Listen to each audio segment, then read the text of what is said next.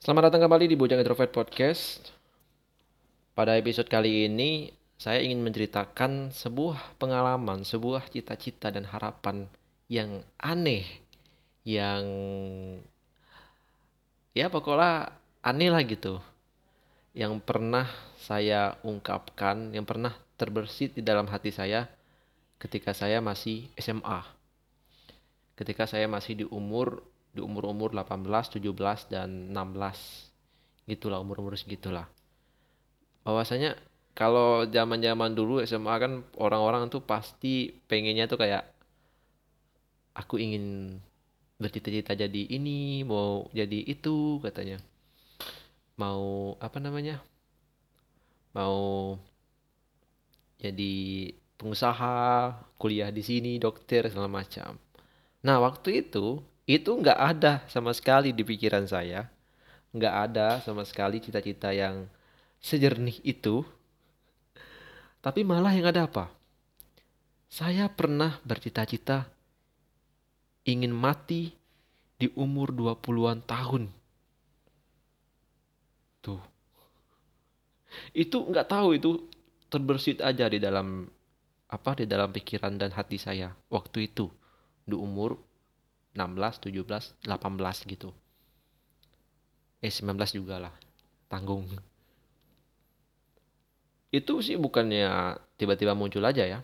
Karena ada beberapa faktor yang bikin saya kok tiba-tiba berpikiran untuk pengen mati di usia muda gitu. Dan saya terus terang sekarang merasa kayak wah itu bodoh sekali itu karena gimana ya? Ya kalian tahu lah kan itu adalah salah satu bentuk tidak mensyukuri hidup dan segala macam kan.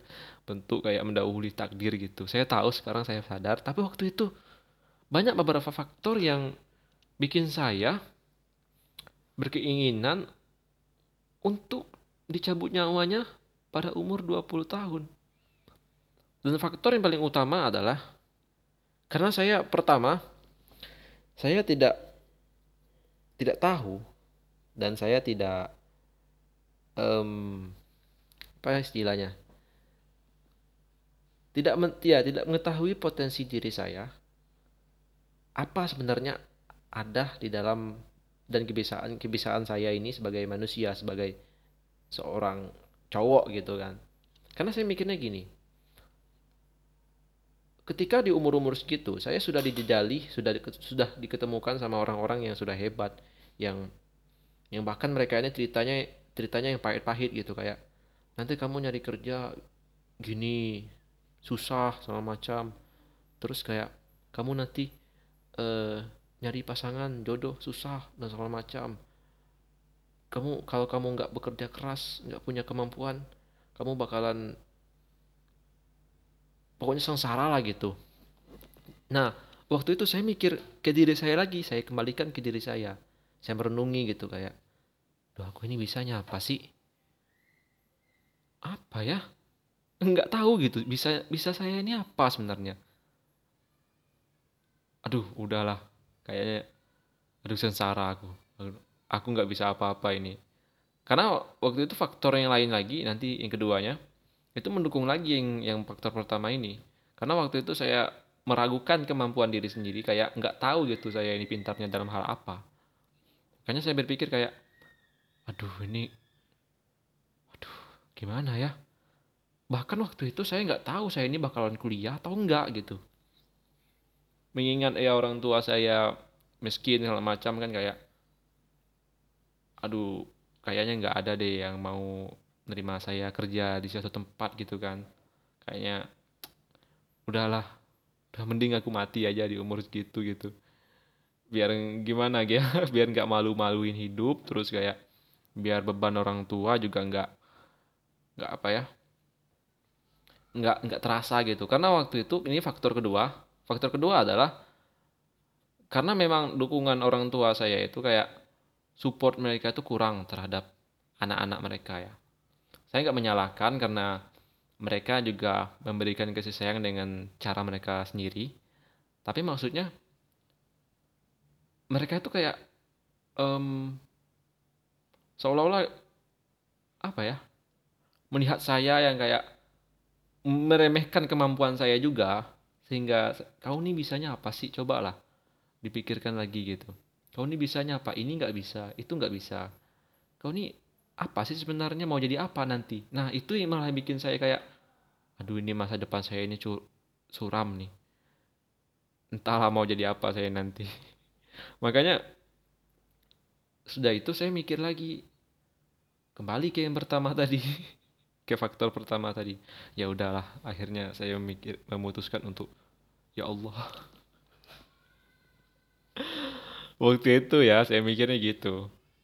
Kayak ya udah deh aku cabut aku ninggal di umur 20-an tahun 20 gitu nggak apa-apa lah daripada hidupku suram ya Allah gitu kan.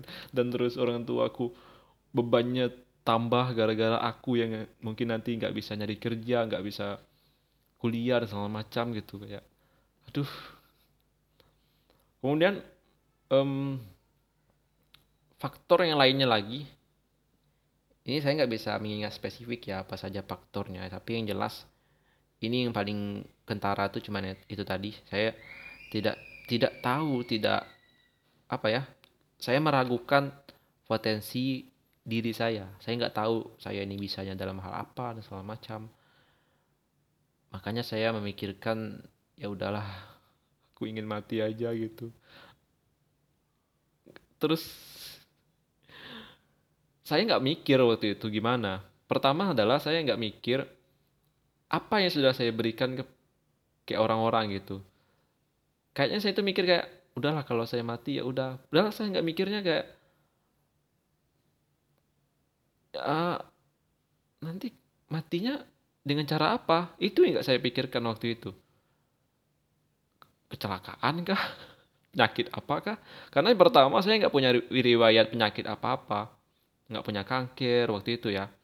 Nggak punya, pokoknya penyakit-penyakit yang besar gitu yang kadang harus dirawat itu baru meninggal. Karena banyak kawan-kawan saya yang kena kanker gitu, kena segala macam penyakit-penyakit bawaan gitu. Mereka meninggal duluan. Cuman ada juga beberapa, beberapa kawan ini paling banyak mereka meninggal karena kecelakaan kan gitu kan. Jadi itu yang paling banyak. Kawan-kawan saya waktu SMP itu udah banyak meninggal karena kecelakaan, terus meninggal gara-gara dibunuh orang gitu. Ya salah dia sendiri sih sebenarnya karena dia nyari gara-gara kan. Ya saya nggak mikirnya ke situ. Saya ini matinya dalam dalam keadaan apa nanti? kecelakaan. Pokoknya waktu itu gimana ya? Ketika kita lagi down, lagi berada di posisi paling bawah dalam hidup kita, kita kita tuh kayak mikir, aduh ini udahlah kayaknya dunia tidak membutuhkan aku. Terus, aduh kayaknya udahlah aku nggak ada artinya lagi dalam hidup ini gitu.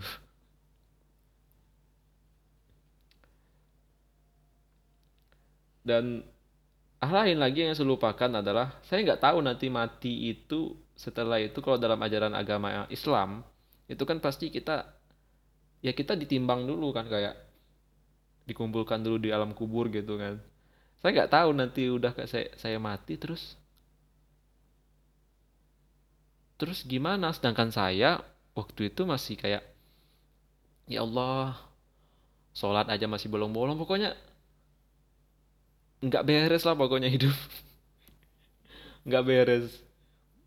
Saya nggak mikir ke situ waktu itu. Pokoknya saya takut aja dengan hidup gitu. Saya takut aja dengan dengan masa depan gitu. Dan saya nggak mikir bahwasanya itu termasuk salah satu kekufuran yang hakiki karena kita berharap untuk dimudahkan tidak menjalani hidup dengan cara apa dengan meringankan hidup sendiri dengan cara mati itu gimana ya? Nggak masuk akal juga gitu. Nggak ya itu sama aja dengan, kita mau bunuh diri ya walaupun kita walaupun saya waktu itu udahlah mati mati aja yang penting yang penting mati gitu. Tapi saya nggak mau bunuh diri pengen mati tapi kayak aduh takut juga deh pengecut gitu. Nah udah tuh saya umur 18 19 gitu kan saya lulus. Alhamdulillah dapat rezeki saya kuliah semester 1 semester 2 gitu sampai saya umur 20 tahun. Nah waktu itu saya udah melupakan cita-cita itu udah saya lupain gitu nggak tahu ke mana pokoknya saya lupain.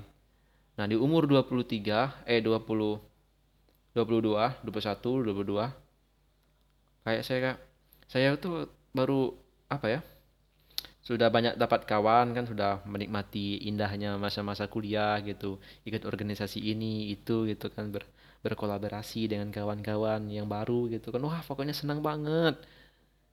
Nah waktu itu saya mikir lagi wih dulu aku pernah bercita-cita pengen mati ya di umur yang 20-an tahun gitu. Terus ya udah deh jangan deh. Batalin aja deh cita-citanya gitu. Karena aku sudah nyaman kenal sama orang-orang ini gitu. Nyaman sama posisi ini.